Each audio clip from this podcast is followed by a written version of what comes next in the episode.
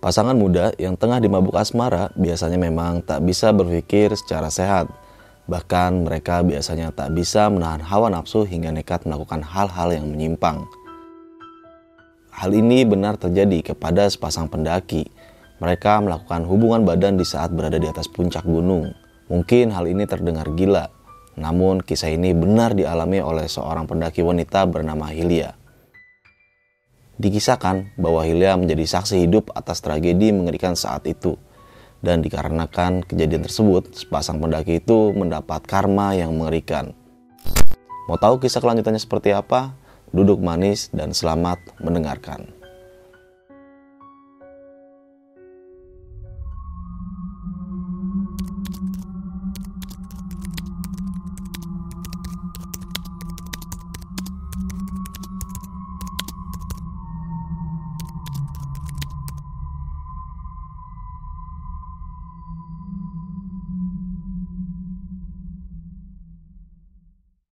Halo Il.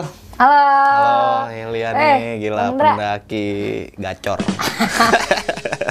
Pengen mendaki gacor nggak tuh? Uh, thank you banget nih lu udah mau datang ke sini lagi nih. Oh, siap, dan siap. yang pastinya menceritakan pengalaman pendakian lo dan ini salah satu pengalaman yang sampai saat ini yang nanti bakal lu ceritain nggak bisa lu lupain sampai sekarang ini ya. Sampai sekarang sih. Ini cerita yang sangat gokil banget dan banyak sisi baiknya nanti yang bakal kita dapetin karena ceritanya Hilya ini sempat melihat dua pasang pendaki yang melakukan sampai pada akhirnya gancet ya.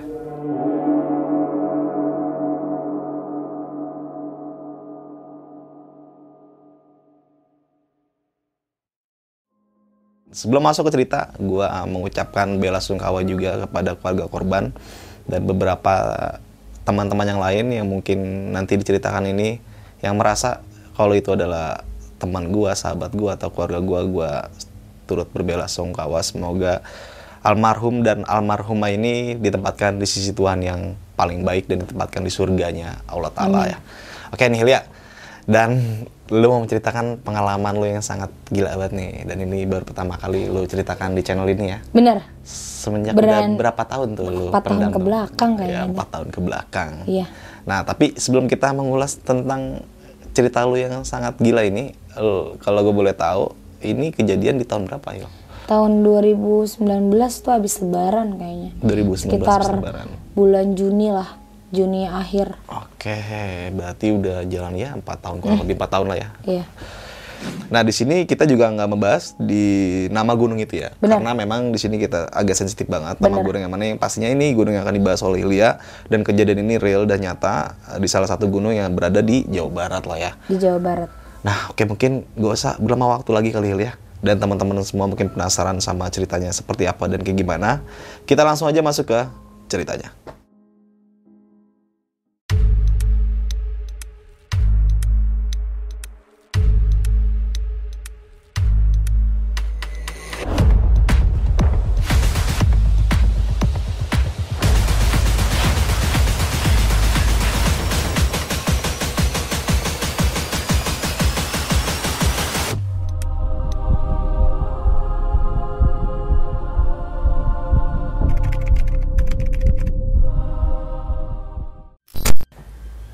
Sih gue tuh mau emang udah ada agenda ya naik ke gunung Iya. itu ya.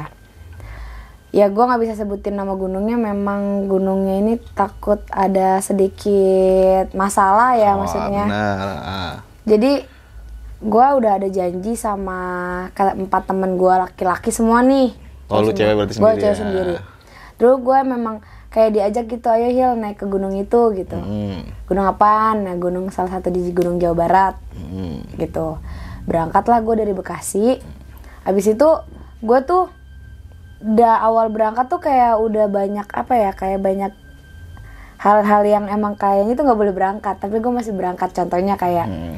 mak gue bilang jangan berangkat ngomong gitu udah pokoknya gue nggak dibolehin lah gue gue nggak dikasih izin Ini dari orang tua ya. Hmm, terus yang kedua dari ini apa namanya motor gua trouble motor gua tuh bens bukan bensin oli ya oli. habis jadi mati Kering. total Ah, Aduh. itu mati total kan Oke. jadi hampir hampir udah turun mesin tuh Ah. motor nah kedua ya udah tapi kan tetap aja temen gue tuh karena memang udah gue udah janji iya jadinya gue berangkat lah tuh berangkat gue dari Bekasi itu jam sekitar siang lah.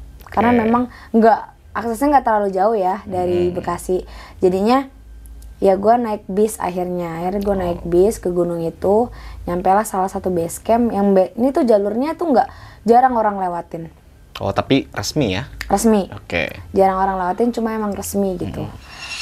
Terus katanya ya katanya di jalur itu tuh jalurnya mm, apa parah lah lebih Oke. lebih parah intinya parah treknya parah gitu Oh, lebih katanya. vertikal banget. Mm-mm. katanya teh dengkul ketemu kepala lah Wah, ketemu dagu. iya bener gitu katanya.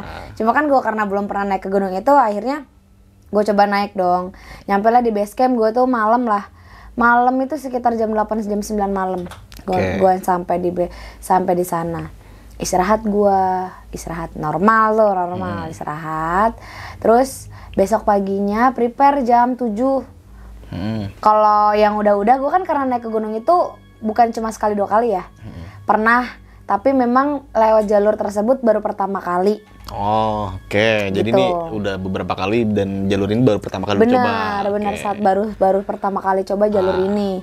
Akhirnya gue kan nggak tahu tuh estimasi perjalanan sampai di area camp itu gue nggak tahu. Akhirnya gue mutusin buat kayak jam 9 maksimal kita harus jalan dari base camp. Nah di sana itu pihak base camp tuh kayak nyewain pick up buat Pick up. ke jalan pokoknya ujung ujung jalan aspal Oke. sebelum Pintu rimba. masuk iya kalau kita sebut mah pintu rimba lah Ah. nah nyewaan pickup satu orang itu dua puluh lima ribu akhirnya kita naik pickup lah tuh kan yeah. naik pickup dan bukan kelompok gue doang tapi kan gue berlima hmm. ada kelompok lain itu bertiga hmm. jadi kita berdelapan Lapan. berdelapan kita sampai di ujung aspal memang hmm. di setelah ujung aspal itu ada kebun ya kita lewatin kebun lah Nah, habis itu pas jalan kebunnya biasa aja gitu. Nyampe lah kita di pos satu masih kebun, dua masih kebun. Hmm. Nah pas mau masuk ke tiga baru tuh udah hutan, hutan. udah hutan okay. semua udah rapet lah hutannya tuh. Nah di situ treknya udah mulai aduhai kali ya. Emang hmm. kayak tapi mikirnya ah namanya gunung kan nggak mungkin dong gunung jalan landai iya, gitu iya, kan nggak mungkin juga jalan turun terus ya kan bukan gunung gak dong mungkin, itu ya kan. mungkin naik turun pasti ah. kan nyampe pengen ke pos 4 itu udah gelap nah ketemu sama satu cewek satu cewek ini dia itu ngetrek berdua mm-mm. sama cowok Ini beda rombongan atau? beda rombongan Oh, beda rombongan. Gua ketemu sama dia Oh, oke. gue ketemu sama dia di jalur itu Hmm. terus ceweknya ini nangis Nangis. Nah, kat- nangis karena dia nggak kuat dan dia bilang dia itu baru be- baru pertama kali naik ke gunung itu dan dia bikin dia tuh nangis soalnya treknya yang parah. Oh. Dan memang dari pos 3 ke atas itu treknya itu dengkul ketemu dagu. Astagfirullah, kacau juga berarti. Itu dan gua nggak mau sih lah jalur itu lagi sumpah. Gua nggak mau lah jalur itu lagi. Udah gitu dia nangis, gue tenangin dong. Mm-mm. gue tenangin udah nggak usah nangis gitu udah santai aja jalan pelan pelan gue Hmm. bilang karena si cewek emang gak bawa apa apa sih emang Oke. semuanya di backup sama itu cowok Hmm. gitu kan terus gue bilang pelan pelan aja gue bilang ya ayo ditemenin gitu sampai akhirnya nih cewek jalan di Hmm. depan gue ya udah biasa aja jalan pelan pelan pelan nyampe di pos 4 nyampe di pos 4 itu dia sempat istirahat Mm-mm. di pos 4 itu sekitar setengah enaman setengah enam sore Ya. setengah enam sore gua sama tim gua sama rombongan gua sama dia pun itu semua istirahat itu kita kemarin tuh jumlahnya berarti bersepuluhan 10 orang ya? 10 orangan lah terus abis itu istirahat di pos 4 gue bilang mau nawar kata dia dia nggak kuat dia bilang mau Turun. turun aja mau mau nggak mau naik ke atas Oke. cuma sama cowoknya tuh kayak ayo bisa kamu bisa kata Oh, gitu. masih Ayo, disemangatin. masih disemangatin Iya, gitu Biasa kan lah kayak gitu mah. pengalaman ya dia masih masih disemangatin masih ini nah kan gue suruh makan dulu ya terus dia tuh kata dia ya udah kalau nggak mau turun udah mau camp aja di sini terus gue mikir anjir ini ngecamp di sini di mana soalnya di gunung itu emang ciri khas nggak bisa nggak nggak bisa dia tuh selain di selain di bawah pos 2 mungkin ada lahan buat buat ngecamp Oke. cuma selama perjalanan gue sampai pos 4 itu nggak ada lahan space buat ngecamp Berarti Korturnya berarti Iya, vertikal banget. memang vertikal. Oh, memang nggak ada oke, oke, space oke, buat oke. ngecamp. Akhirnya kata gua nggak bisa kak kalau ngecamp di sini, gue bilang gitu. Dia diam terus tiba-tiba dia ketawa sendiri. Dia tuh jadi tuh kemarin tuh memang sempat dia sempat kemasukan. Oke, oke. Dia sempat kemasukan, habis itu dia tiba-tiba ketawa sendiri. Kata gue ini orang belum makan kali, dikasih makan dia nggak mau kayak dia tuh kayak ngempas ngempasin tuh yang cowoknya kasih digituin terus kata gue jangan udah biarin jadi paksa awalnya gue kayak nggak mikir dia tuh bakal kemasukan gitu karena memang dia dia tuh memang tangannya tuh dingin awalnya kayak gue mikir dia oh ini kena gejala hipo nih Iya, gitu kan halusinasi. Mm-mm, halusinasi tuh dia tapi ternyata pas dia ketawanya berulang-ulang kayak cekik cekik kayak ketawa-ketawa kuntilanak gitu bang Ih, gila serem banget tuh. makanya kata gue itu orang kok aneh ya dia soalnya sambil nunduk Oh. sambil nunduk terus tiba-tiba ketawa sendiri terus makin lama ketawanya gue samperin Oke. terus ngeliatin gue ngeliatin ngeliatin gue kata gue kenapa lo kan ngeliatin gue gue gituin kan. Kelihatannya melotot atau gimana? melotot. Ngeliatin gue tuh sambil melotot. Terus kayak abis melotot dia sih ketawa lagi. Kata gue ini orang gila. Apa kata gue gitu. Makan dulu nih makan. Gue nggak di situ masih gue mikir wah ini eh, nggak boleh nggak boleh mikir ini kalau surupan kata gue gitu. Tapi lo ada pikiran ke situ iyalah ya? pasti. Ah. soalnya ketawanya udah aneh. Soalnya nih cewek memang step ketemu gue tuh nggak nggak yang banyak ngomong. Hmm. Dia tuh nggak yang banyak ngomong dia cuma sebatasnya aja gitu. Terus gue tanya sama lakinya bang lu nganter ke jam berapa? Gue nganter ke jam 6 pagi kata dia gitu. Terus dia memang orang warga eh, ya lingkungan sana lah Ya. yang bukan orang jauh kayak gue orang Bekasi bukan emang orang warga sana gitu. Terus habis itu oh lu naik motor terus lu baru dia tuh baru nyampe di base camp jam 4 pagi dia prepare tidur tidur pun dia cuma tidur ayam gitu Tidur ayam. tidur ayamnya kayak tidur cuma sebentar tiba-tiba bangun, Bangun. langsung berangkat Oh, nggak berkokok Gitu. tuh. terus habis itu gimana? dia tuh cewek masih ketawa-tawa kan terus dia tiba-tiba cewek itu narik tangan gua kak ayo main gitu dalam hati aduh nggak beres nih soalnya aura yang dia kasih ke gua tuh memang kencang maksudnya kayak keras banget kayak guanya takut Oke. kayak dia itu jahat pengen ada niat jahat di badan tuh cewek sama ke gua Kok lu bisa tahu? soalnya memang kalau gua memang kan gua sama hal-hal begitu gua peka Mm-mm. terus habis itu gue memang beberapa kali kalau misalnya ke gunung memang sering kalau terjadi kayak orang-orang kesurupan itu memang kalau orang kesurupan tuh demennya sama gue Karena gue tuh dulu pernah dibuka bang oh. indra keenam gue memang pernah dibuka sama sama guru gue Mm-mm. Karena halnya gue nggak percaya sama hal yang begitulah Mm-mm. di saat itu gue lagi belajar kitab kuning perihal dunia mereka Oke. ya gue nggak percaya akhirnya coba ustadz gue buat buka akhirnya keterbuka lah gue nah itu gue gila tuh hampir sebulan Gila. semua hal yang ada di sekitar gue walaupun mau melek mau merem itu gue ngeliat Wah gila, sebulan lama juga dong. hampir hampir sebulan gue udah udah kayak orang gila. Dua hari gue nggak bangun. Pertama kali yang gue lihat tuh poci bang. Oke. itu gua itu ya Allah itu kayak namanya pohon pocong-pocong di di film-film itu udah kalah udah seribu kali lipatnya. Udah gua nggak sanggup akhirnya ditutup lah lagi. Cuma kata guru gue nih walaupun gue udah ditutup cuma eh, indera perasa gue tuh lebih Peka. lebih peka terhadap hal mistis dibanding yang lainnya Mhm. Nah da- dari kejadian itu pun kayak gue ngerasa ya ada gitu terus gue percaya terus kayak gue lebih gampang diguna-guna gampang dihipnotis itu dari kejadian itu tuh badan gue gampang banget Serius? Berarti lu eh, empat kali gue anjir diguna diguna-guna ini pernah? pernah Gila, serius? itu gue terakhir kemarin tahun lalu sama mantan gue dan itu cowok yang keempat Ah, gila.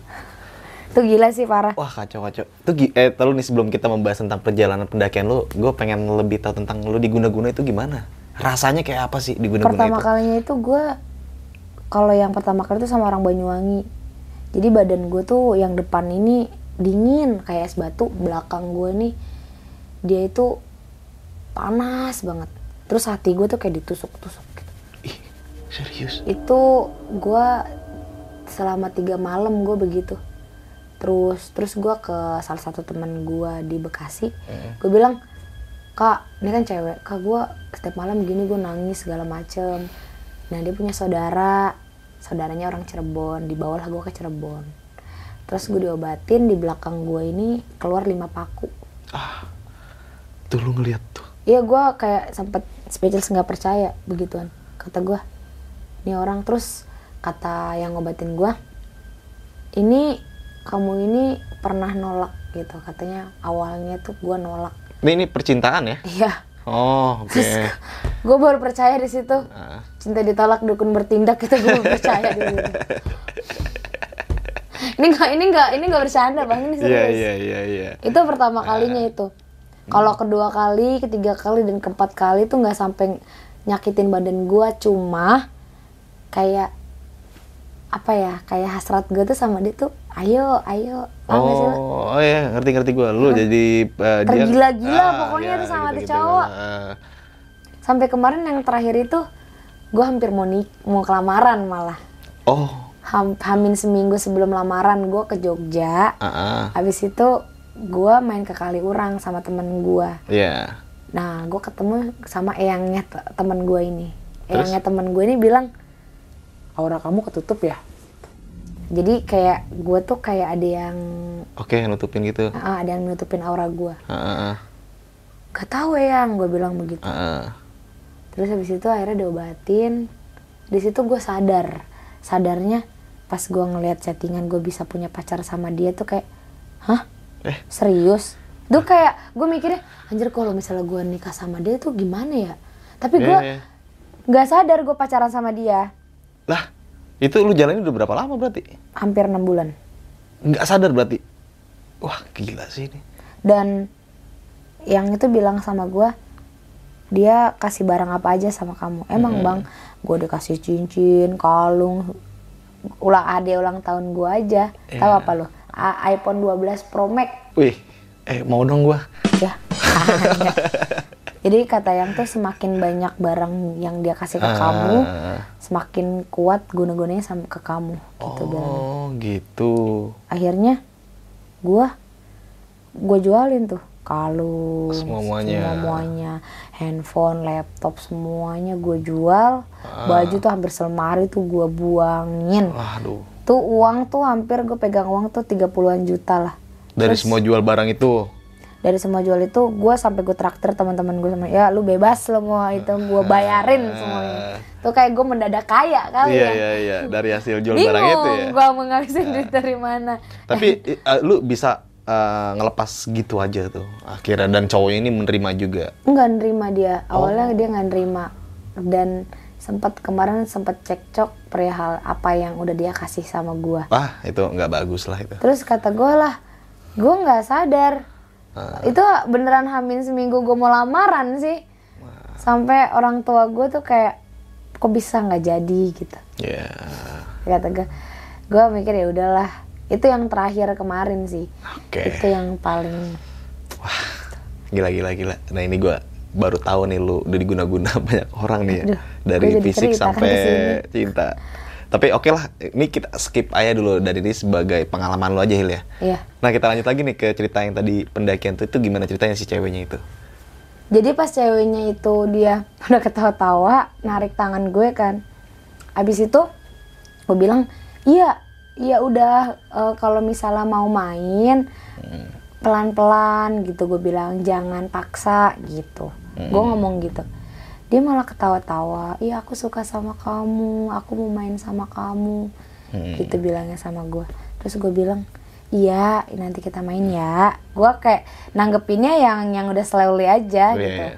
Terus habis itu gue coba emang gue nggak gue nggak paham sih perihal gue ngeluarin orang yang kemasukan itu gimana. Cuma gue bisa ngebantu dari eh, kalau misalnya memang ad- makhluk yang di dalam tubuhnya itu mau interaksi sama gue. Oke. Akhirnya gue coba buat interaksi, ternyata dia mau interaksi sama gue dan gue bilang keluar, gue bilang kasihan nih badan, nih badan anak ini lemah, capek, gue bilang begitu. Terus habis itu akhirnya dia maulah tuh keluar, mau keluar itu habis maghrib tuh gue perjalanan dari pos 4 itu mau ke atas, mau ke puncak.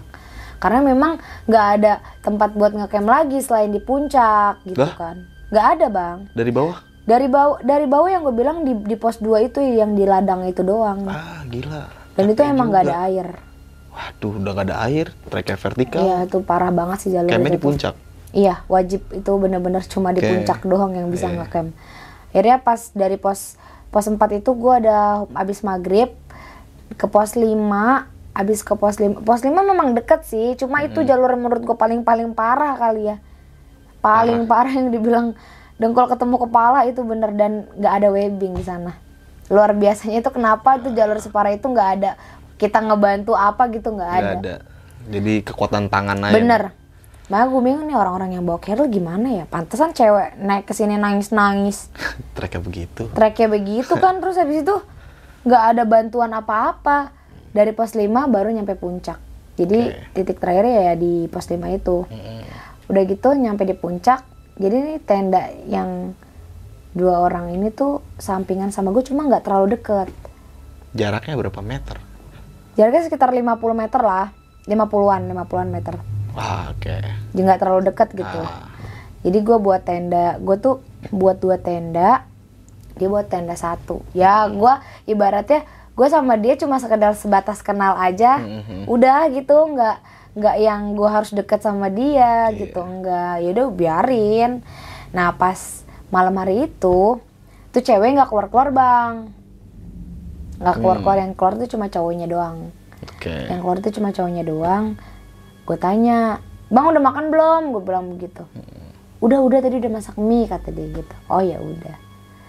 Nah pas malam gue ini bilang sama temen gue gue kayak ngedenger suara aneh Suaranya apa nih? suara aneh ya anehnya tuh kayak suara orang kayak ngedesah gitu bang Oke. Terus habis itu kata temen gue, bener Hil, iya coba deh lu, de- gua coba deh lu lu perhatiin, lu ini, lu, lu dengerin deh, Mhm. lu dengerin itu sekitar jam berapa ya? Jam 12-an lah. Duh, gila. Karena gue tuh nyampe di puncak itu sekitar jam 9-an, 9 malam. Oh, ya gila. Lama juga berarti. Jam 12-an gue tuh ngedengar suara, begitu karena gue belum tidur. Oke. Jam 12-an gue dengar suara, temen gue baru nge, eh iya tahu ada kata dia gitu. Mhm. Terus siapa ya? Soalnya memang eh, pada saat itu memang yang di puncak itu nggak terlalu rame, bisa dihitung lah tuh tenda. Ya. Cuma memang tenda kita tuh ya jauh-jauhan bang. Gue nggak bisa mengira yang ono, suara yang ono gitu nggak. Cuma memang itu suaranya samar-samar soalnya. Oke. Akhirnya gue keluar, pengen buang air kecil. Nah, gue keluar pengen buang air kecil. Cowok yang tadi bareng sama gue di bawah itu keluar dia juga. Gua Sendiri. tanya- Hmm, gue tanya dong. Kok sendirian si teteh mana? Gue bilang Hmm. gitu. Kok dari tadi nggak keluar? Gue bilang gitu. Terus kata si cowoknya, iya dia lagi nggak enak badan gitu dia lagi Oke. nggak enak badan dia istirahat pikir gua yang nggak enak badan awalnya gue ngira satu tenda itu tenda Hmm.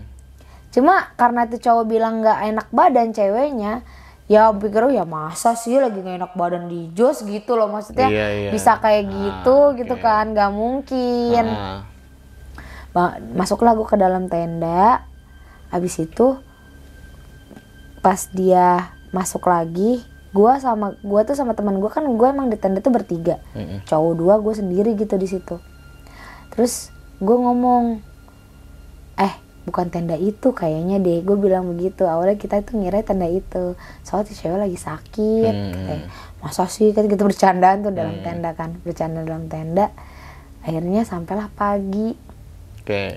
sampai pagi itu pagi tuh cuacanya memang bagus nggak yang kabut gitu enggak Ya.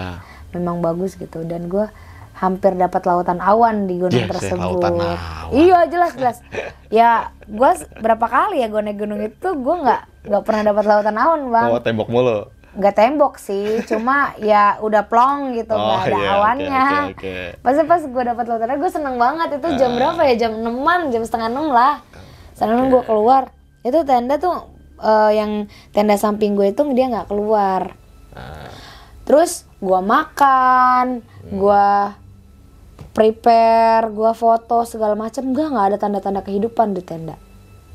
Itu Oke. tanda tuh gue nggak nggak ada tanda-tanda kehidupan. Gue ngomong sama temen gue bang Dre itu tenda kok kagak ada gerak-gerakan ya dari tadi pagi ya? Hmm. gitu. Masih tidur kali kata teman gue gitu terus gue bilang kok bisa ya nggak ada? Masa sih masih tidur? Ini udah jam 10 loh.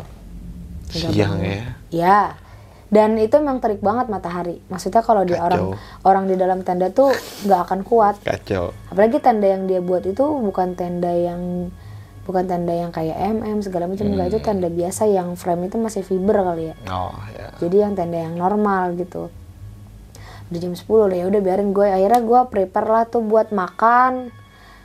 Jam 12 gue pengen turun. Hmm.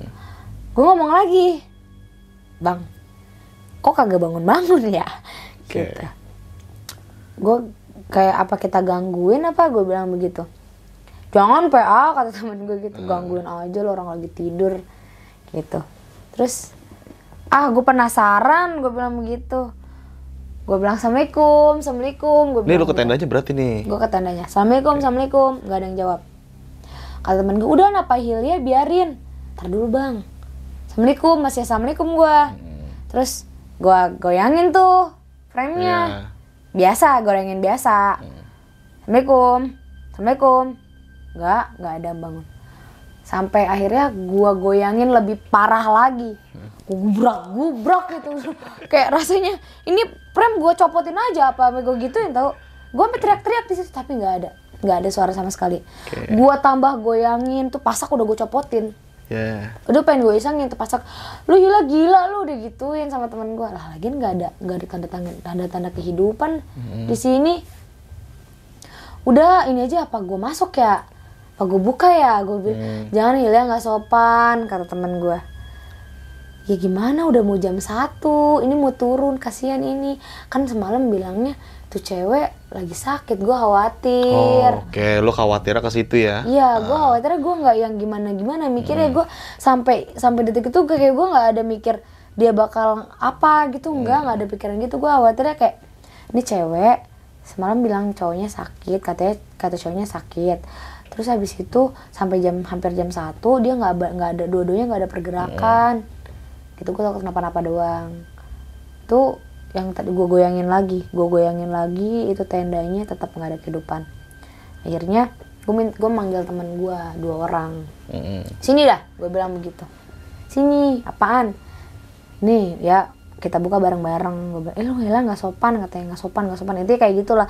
Karena waktu itu pernah uh, viral kan yang uh, orang di gunung Iya. lagi gitu tiba-tiba dibuka nggak sopan gak terima gitu kan.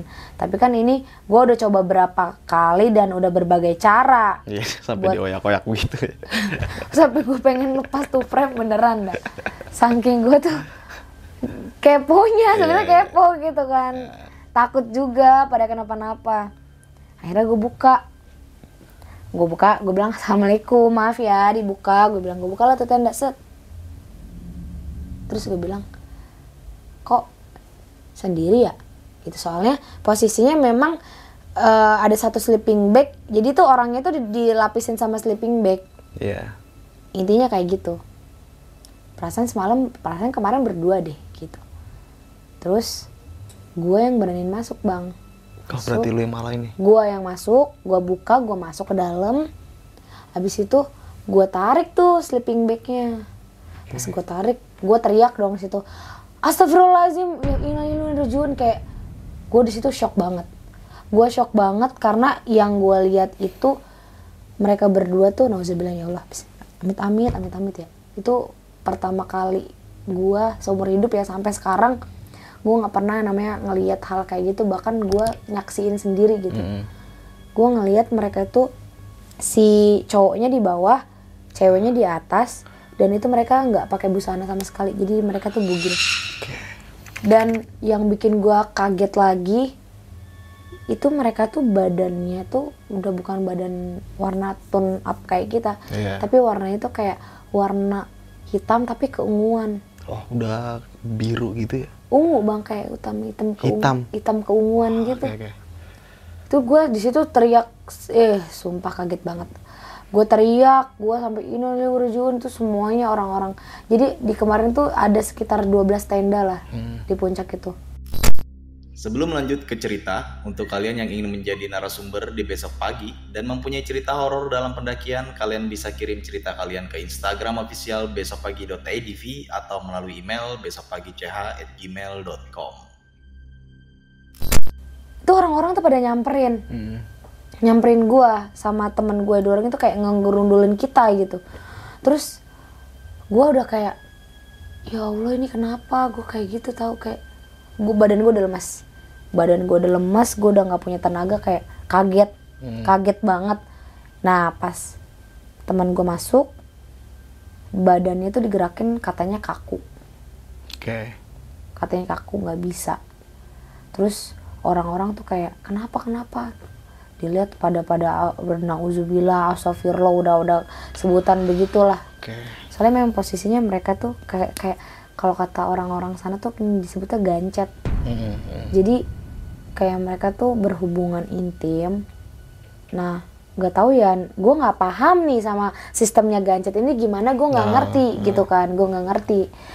Akhirnya mereka dikeluarin ditutupin pakai sleeping bag. Nah ada salah satu yang ngejaga di puncak itu.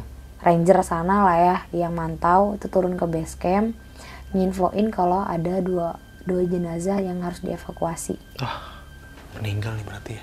itu meninggal. Ya orang badan udah ungu hitam gitu gue udah gue sekarang udah keterniang-niang ini. Udah aduh udah parah banget kata gue ya udah akhirnya pas kita nunggu tiga jam tiga jam empat jam lah buat tim evakuasi naik. Itu sekitar sekitar jam setengah limaan mereka baru sampai. Evak tuh baru nyampe ke atas. Habis itu dibawa turun ke bawah. Gua itu ikut turun ke bawah dan itu gue turun sampai malam. Ya. turun sampai malam nyampe gua udah nggak kuat bang. Gua udah nggak kuat bawa barang gua udah nggak kuat karena gua udah nangis aja di situ kayak udah nggak nyangka gitu bisa dapat hal-hal yang di luar dugaan gua gitu terus habis itu gua di situ pas nyampe di base camp gue ditenangin sama orang base camp tenang tenang gituin terus habis itu gua tidur malam hari itu besoknya tuh polisi segala macem Keluarga. keluarganya dari eh, dua jenazah itu datang. Nah posisi mereka tuh masih berdempetan. Ah, Iya masih berdempetan di base camp. gila gila. Dibawa itu sekitar jam tujuan pagi itu dibawa ke rumah sakit terdekat. Di kayak di otopsi gitu apa sih?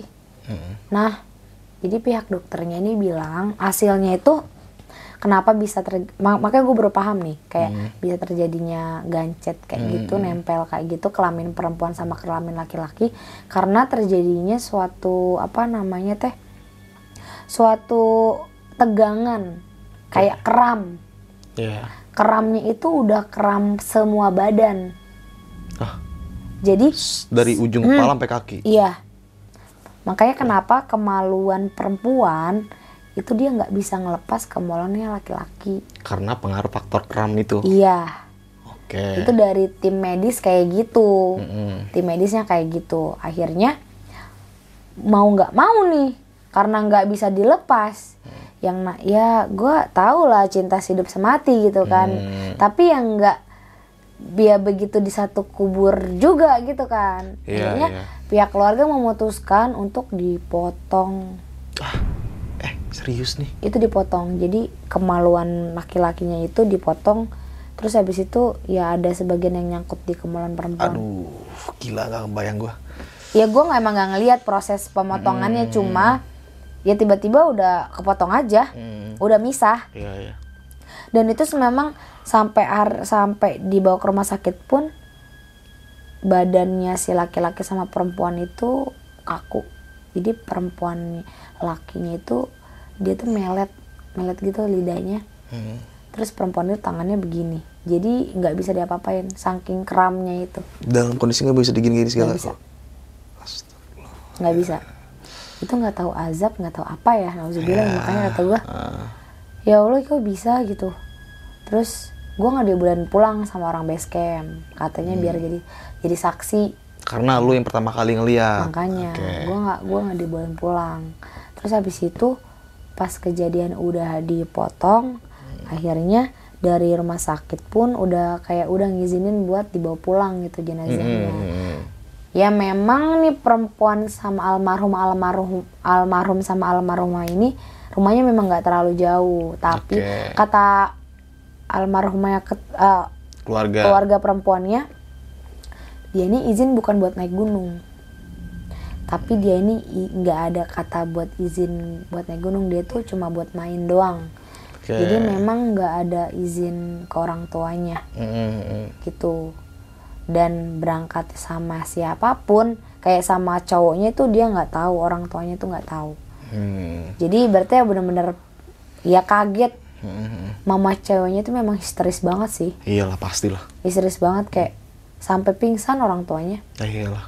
sampai kayak iya sampai di rumah sakit aja masih eh, lemes banget ya allah nduk gitu-gitu aja pokoknya udah teriak-teriak aja gue udah kayak gue aja merasa gue yang eh, nyaksin aja lemes gitu Hmm. gimana orang tuanya yang tahu-tahu tiba-tiba anaknya nggak ada Wah gila nggak kebayang juga kayak gitu. Terus- Apalagi lu ngeliatin langsung ya. gue udah udah udah lemes sih mas pas besokannya setelah setelah dibawa ke rumah masing-masing tuh jenazah polisi masih ini masih di sana Hmm. akhirnya nyamperin gue dan i- nginterogasiin gue gitu kenapa Hmm. kok bisa gitu gue coba ngejelasin kan sama kepolisiannya. Hmm. jadi emang pas malam itu tuh memang tuh perempuan memang udah sakit pak. Ya. gitu. Tapi saya nggak yang terlalu khawatir karena saya tahu kalau dia tuh sama laki-laki. Iya. ibaratnya ada temennya lah gitu. Dan saya percaya kalau dia tuh bisa ngejaga. Kayak gitu. Jadi kayak dia tuh lebih kurangnya edukasi sih menurut Iya. gua. Terus pas eh, pas hari terakhirnya gue diinterogasi itu orang tua laki-lakinya itu datang sama gua juga nanya sama jadi Hmm. kayak interaksi gua yang sama mereka berdua itu kayak gimana? Oke. gue coba jelasin. Ya gue nggak ketemu di base camp memang gue ketemu di jalur kata gue gitu kan. Terus si dia tuh cuma berdua gue jelasin semuanya. Terus kayak orang tuanya tuh kayak dia tuh bilang sama saya tuh naik gunung terus rame-rame katanya gitu. Oh ini dari orang tua iya si si, korban si laki ya. laki-laki. Oke oke. katanya nggak nggak yang cuma berdua sama perempuan gitu. Terus gue tanya emang umurnya berapa? Udah tuh kelahiran tahun 2001 Dah gila masih muda banget ya. tahun kelahiran tapi memang laki-lakinya itu memang nggak kelihatan tahun 2001 memang Ah. udah ya dewasa lah gitu wajah-wajah dewasa. Jadi gue nggak pernah nggak nyangka gitu 2001 2001 itu. Akhirnya pas orang tuanya bilang gitu sama gue ya namanya uh, orang mah orang namanya anak pasti kayak nggak mungkin dia tuh bilang sama perempuan doang naik gitu pasti Iya, ya sama pasti. teman-temannya Pasti pasti. kayak gitu bu pasti itu alibi alibi aja bu cuma bo cuma biar dikasih izin aja Iya, ya iya. buktinya yang perempuan apa yang ceweknya itu nggak ada izin buat naik gunung cuma mau main aja nginep gitu Iya akhirnya naik gunung juga terjadi tuh ya. iya yang gue pikir yang gue pikirin sampai sekarang adalah kok bisa ya? Gitu dia kayak apa karena arjen apa karena penting gitu kan dengan hal-hal yang kayak gitu? Setelah gua udah diinterogasi itu dua hari terus habis itu gua di sana udah udah lama di base camp akhirnya gue izin lah pamit tuh sama orang-orang base camp buat pulang. Jadi gua pamit tuh sama orang base camp kalau misalnya gue tuh mau pulang ke Bekasi. Karena memang kondisi kemarin tuh memang gue lagi kerja dan itu gue cuma bertiga doang yang dua lagi teman gue tuh udah pulang karena Di base camp tuh. iya Dua hari. kagak boleh ke mana-mana Gila. Gak boleh ke mana-mana pokoknya gue handphone gue aja sampai disita Hah? Dua hari tuh? iya disita buat ini buat bukti kayak ya buat nyari bukti juga gitu Ya, ya, ya, ya. Nah, yang gue pengen tanya Hil, di puncak ini kan banyak tenda tuh dan banyak juga yang nyaksiin pendaki-pendaki lain. Ada yang videoin gak sih? Waktu itu kayak sempat ada yang videoin. Cuma gue lihat berita setelah dua minggu setelah itu tuh nggak- udah nggak ada beritanya. Oke. nggak tahu gitu kan kenapa bisa itu berita tiba-tiba nggak ada. Waktu itu sempat sempat ada. Gue nyari aja webnya gitu karena waktu itu ada temen gue yang tiba-tiba screenshot foto ada guanya Oh, ada lunya nih. Iya, makanya dia kenal sama gua. Jadi di berita di web itu diceritain lah bla bla bla bla bla bla. Habis itu gua bilang, "Ya, kok ada gua sih?" Setelah gue lihat, oh berarti ini masuk berita nih gitu. Oh. Masuk berita. Setelah dua minggu dari situ, udah gua lihat lagi tiba-tiba udah linknya udah nggak ada dan gua cari tuh Nggak ada nih. nggak ada berita itu lagi. Oke. Nggak tahu sih emang kenapa. Ya, aib juga sih Iya, mungkin ya, nggak perlu benar-benar. diumbar-umbar juga ya. Oke, nah setelah lu balik ke Bekasi, lu kan tadi masih mengalami trauma nih ya. Hmm. Itu gimana? lu? Baru pertama kali melihat jenazah dalam keadaan kondisi kayak gitu eh, setelah balik ke rumah, kayak gimana lu? nggak doyan makan pertama Oke. nggak suka nggak suka makan lebih banyak diem sih Mm-mm. soalnya kayak lebih kayak masih kebayang-kebayang gitu sama badan mereka yang tindih-tindihan terus habis itu badan mereka yang warnanya hitam keunguan. Oke. dan mata mereka yang melotot. Dan ada Aduh. cowoknya tuh lidahnya tuh kayak keluar gitu. Tangan ceweknya. Begini kayak masih kebayang aja. Bahkan sampai sekarang gue ceritain pun gue masih kebayang nih. Nah, masih kebayang dengan eh, mereka yang kayak gitu. Gue yang kayak aduh tuh gue hampir sebulanan tuh gue kayak gitu. Kayak orang bego aja anjir. Hmm. diam aja kok bisa ya? Kok bisa ya gitu? Masih jadi pertanyaan pertanyaan buat diri lu sendiri juga ya. Maksudnya kayak lu emang gak mau modal apa gimana gitu kan? Atau karena emang penting apa gimana? Gue nggak ya masa ya gue nanya sama yang udah mati kan nggak mungkin. Hmm. dia kayak itu yang masih dalam pertanyaan gue gitu. Nah, lu selama sebulan gak makan itu, lu masih kepikiran mulu, eh, berarti lu dalam kondisi yang benar-benar drop dong. iya gue bener-bener kayak udah nggak udah nggak nafsu aja gitu Ah. kayak masih kepikiran kepikiran aja terus Terus pada masa itu lu kapok naik gunung atau gimana? enggak sih kapok enggak karena menurut gua nggak semua gunung ya ada kayak gitu gitu loh dan nggak semua gunung nggak semua orang punya niat yang naik berdua sama pasangan itu ada niat begitu nggak semua Iya. Nah, dari pihak basecamp gimana Hil tanggapannya? dari pihak kalau dari pihak basecamp, basecamp sih gua nggak terlalu banyak intens sama anak-anak basecamp ya Mm-mm. kayak dia pun nggak ada speak up buat cerita apa pun gitu Mm-mm.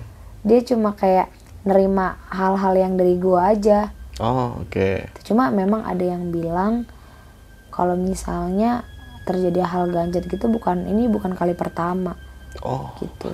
berarti uh, sebelum-sebelumnya ada yang pernah juga kasus kayak Iya, gitu. mm, cuma ya memang gak diekspos aja Oke. Gitu. Nah, semenjak kejadian itu jalur pendakian tutup tuh atau masih dibuka? Buka. Hah? Masih buka. dibuka? Mm.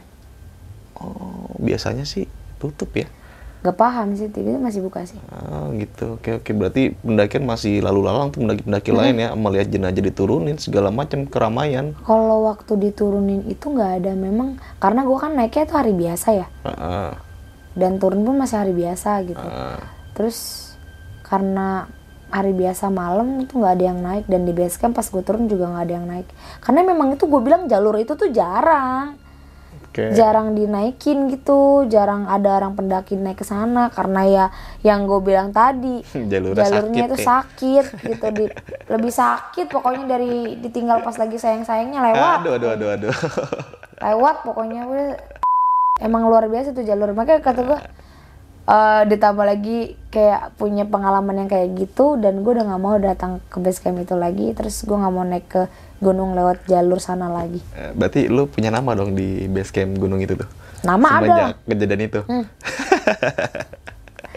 pengalaman yang tidak bagus kayaknya nggak bagus itu nggak bagus Nah, teman-teman lu, kan lu naik berlapan ya? berlima Berlima Tapi satu. tiga orang itu nggak kenal gue cuma kenal. ketemu di base camp doang Nah, yang berlima Satu ini semuanya jadi saksi atau cuman lu aja? bertiga sih oh, lebih tepatnya bertiga. bertiga yang berdua itu memang nothing nggak ada nggak ada tahu apa-apa maksudnya kayak pas kejadian Ah. lagi gua buka tuh tenda dia nggak tahu kan gue cuma minta tolong sama dua orang Oh, oke. gitu jadinya ya udah bertiga yang kemarin ditahan pun bertiga tapi yang lebih banyak di diinterogasi ya gua Karena lu yang pertama yang lihat itu ya. mungkin mungkin karena gue yang pertama kali buka gitu Mm-mm. Baru pertama kali diintegrasi polisi. Enggak sih nggak pertama kali cuma kalau perihal jajetan kayak itu pertama kali dah gue kayak di diinterogasi kayak udah hah enggak kayak orang tabul aja Ya dah. pastilah karena lu saat di kalau menurut gue ya, lu melihat kejadian seperti itu aja kita trauma ya begitu juga dia jadi pertanyaannya mengkerucut gimana enggak kenapa nggak nanti aja gitu kan? ah, belum tenang Biar juga diri gue tuh kayak tenang dulu. iya di gunung lagi lu harus turun gunung Iya. dulu ya kan pastilah kayak gitu Duh itu gue udah udah geleng-geleng sih. Maksudnya kayak nggak tahu lah itu gue jawab semampunya gue aja, Hmm. sebisanya gue aja gitu yang gue jawab. Selebihnya ya itu jadi tanggapan kepolisian. iya gimana dari tanggapan keluarga lu tuh pas waktu kejadian itu lu kan dua hari nggak balik nih Oh kalau keluarga gue sendiri, gue nggak cerita sih sama keluarga gue perihal ini. oh lu keep tuh berarti ya Iya gue keep dan gue cuma yang dua hari kemarin nggak ada kabar gitu pas gue di base camp ya gue bilang masih di gunung. Mm-mm. Gitu doang sih. Jadi Oh. emang nggak ada nggak ada dari keluarga gue yang tahu perihal ini. Mm-mm. gue takutnya ketika gue kayak cerita kayak gitu tuh kayak gue dilarang buat ke gunung oh gitu iya soalnya kayak orang tua orang tua gue udah menjudge kalau gunung itu ya tempat hal yang kotor gitu yang jelek gitu oh dari orang tua lu nih takutnya. Oh oke Takutnya- kan semenjak ada kejadian seperti itu. Takutnya Oke, misalnya gue oke. cerita Oke, gitu oke. ya.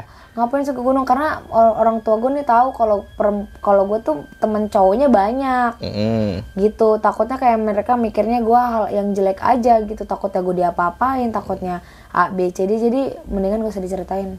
Oke. Daripada gue cari masalah kan dan gua nggak boleh naik gunung kan mendingan gua nggak usah cerita aja. Oke, ini kejadian di pendakian lu saat itu di tahun berapa sih? 2019 2019 nih salah satu gunung di 2019. Jawa Barat ya.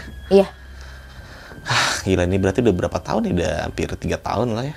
Iya, Ya tiga tiga tahun lah, jalan tiga tahun ya. Dan sebelumnya juga ada sempat kejadian hal yang serupa kayak gitu juga. Jadi bukan sekali dua kali dan mungkin di beberapa gunung lain gue mendapat cerita-cerita pendaki-pendaki yang menceritakan kejadian seperti itu bukan hanya gunung satu gunung aja ya banyak beberapa gunung yang ngalamin kejadian yang seperti itu. sampai sekarang gue tanyain itu tujuan ke gunung apa kayak gitu atau gimana atau Ya, nggak tahu sih ya. Balik lagi mungkin ya ke orangnya masing-masing ya. Ya kan kalau berpikir secara normal kalau eh secara gua pribadi aja lah ya. Hmm, sebagai laki-laki ya, gimana tuh? Nggak kepikiran sih. nggak kepikiran Iya, serius karena di gunung tuh satu dingin ya kan, capek juga. Ngelakuin hal segitu nggak kepikiran anjir. Ya lu lah, lu sering sama cowok nih ya, lu sering satu tenda sama ya, cowok. sama sama Pernah ada hal kayak gitu nggak kepikiran ya kan? Nggak. Jadi balik lagi ke orang masing-masing ya. bener sih Nah, kalau misalkan hipotermia, kita bilang hipotermia dengan cara kayak gitu kayaknya nggak efektif lah. Ya baik ke edukasi sih Iya, kayak lebih ke kurang edukasi lagi. ke ke pengalaman yang tentang ya tentang edukasinya si hipotermia ini Iya, iya. Jadi emang kurang ya minim Hmm. minimnya edukasi tentang hipotermia. Jadi orang kayak menjudge ya kalau hipotermia ya di skin skin to skin lah gitu Iya. harus diangetin Ah, lah. kebanyakan kayak gitu tuh. Iya. ya kan?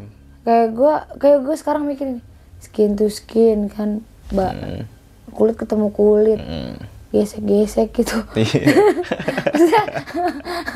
Kok aduh kayak aduh aduh nggak tahu dah maksudnya kayak ya ya dikasih sleeping bag kah atau dikasih yang Aluminium bikin foil, ya iya. bisa eh, bisa juga foil bisa juga kayak eh, yang air anget atau gimana kan itu bisa Nah, gitu banyak cara lah ya. Mungkin Mm-mm, ya bener bener bener bener ya penting edukasi dalam dunia pendakian ya seperti itu ya. Kalau kita ngalami kejadian seperti hipotermia kita bisa mengatasinya. Bener, Nihil. Sebelum mengakhiri cerita, untuk menanggapi semua cerita lu yang tadi lu ceritakan, Hmm. s- kejadian seperti itu, lu punya pesan-pesan nggak buat teman-teman semua yang menonton video lu kali ini nih? kalau pesan sih jangan pernah ngelakuin hal bodoh dan jangan pernah ngelakuin hal yang di luar nalar ya kayak gitu ya. Bisa melakukan hal seks di mana pun. Itu ada tempat. Ibaratnya kita bertamu ke rumah orang kita punya tata Ah, kerama kita oke. punya adab lah ibaratnya. Kita harus hargain. Hmm. kalau misalnya rumah kita dikotorin nggak sesuai dengan izin yang punya rumahnya pasti marah. Asli. ya mau nggak mau gue harus menyangkutkan dengan kemistisan ya Iya. soalnya kalau dari tim medis memang tuh kram ya karena dingin. Jadi mendingan kalau emang lu pengen ngelakuin hal kayak gitu nggak usah lah ke gunung gitu kot bikin kotor. Mendingan ya lu modal dikit gitu kan. Iya, iya. modal dikit ke hotel gitu apa gitu kan. Ya kalau ibaratnya gini loh bang kayak gancet di hotel kayak lebih universal lebih iya. biasa lah Eh, Dan ini itu gadget di gunung ini kayak gancet di gunung kayak aneh aja ya. aneh gitu kan jadi bikin repot Asli. bikin repot orang gitu dan yang gue tahu yang mungkin kayak gue nyari tahu nih kayak kemarin dokter bilang pun dan baru pertama kali pihak rumah sakit gancet itu itu nggak bisa lep, dilepas Wah, gila. Saking jadi bener-bener parah banget berarti kayak eh, gunung di gunung ini yang bikin dingin ini bikin lebih parah lagi kramnya dibanding eh, gancet di luar gunung gitu. Makanya lo kalau misalnya kau cuma naik gunung buat kayak gitu aja mendingan nggak usah, udah diem di rumah. Kalau nggak dulu sewa hotel aja, Asik, modal asik, gitu modal. Terus harus jaga sikap, harus jaga sikap gitu. Jangan sampai kita eh, datang bertamu ke rumah orang, terus kita berlaku tidak sopan. Mm-mm. Itu sih kalau pesannya, kalau kesannya ini berkesan seumur hidup kayaknya. Karena sampai sekarang lu masih ini ya, Iya. terbayang-bayang ya. kesannya kayak udah seumur hidup aja nggak bakal gue lupain dan bahkan ini gue berani ceritain ini di channel ini doang sih Asik.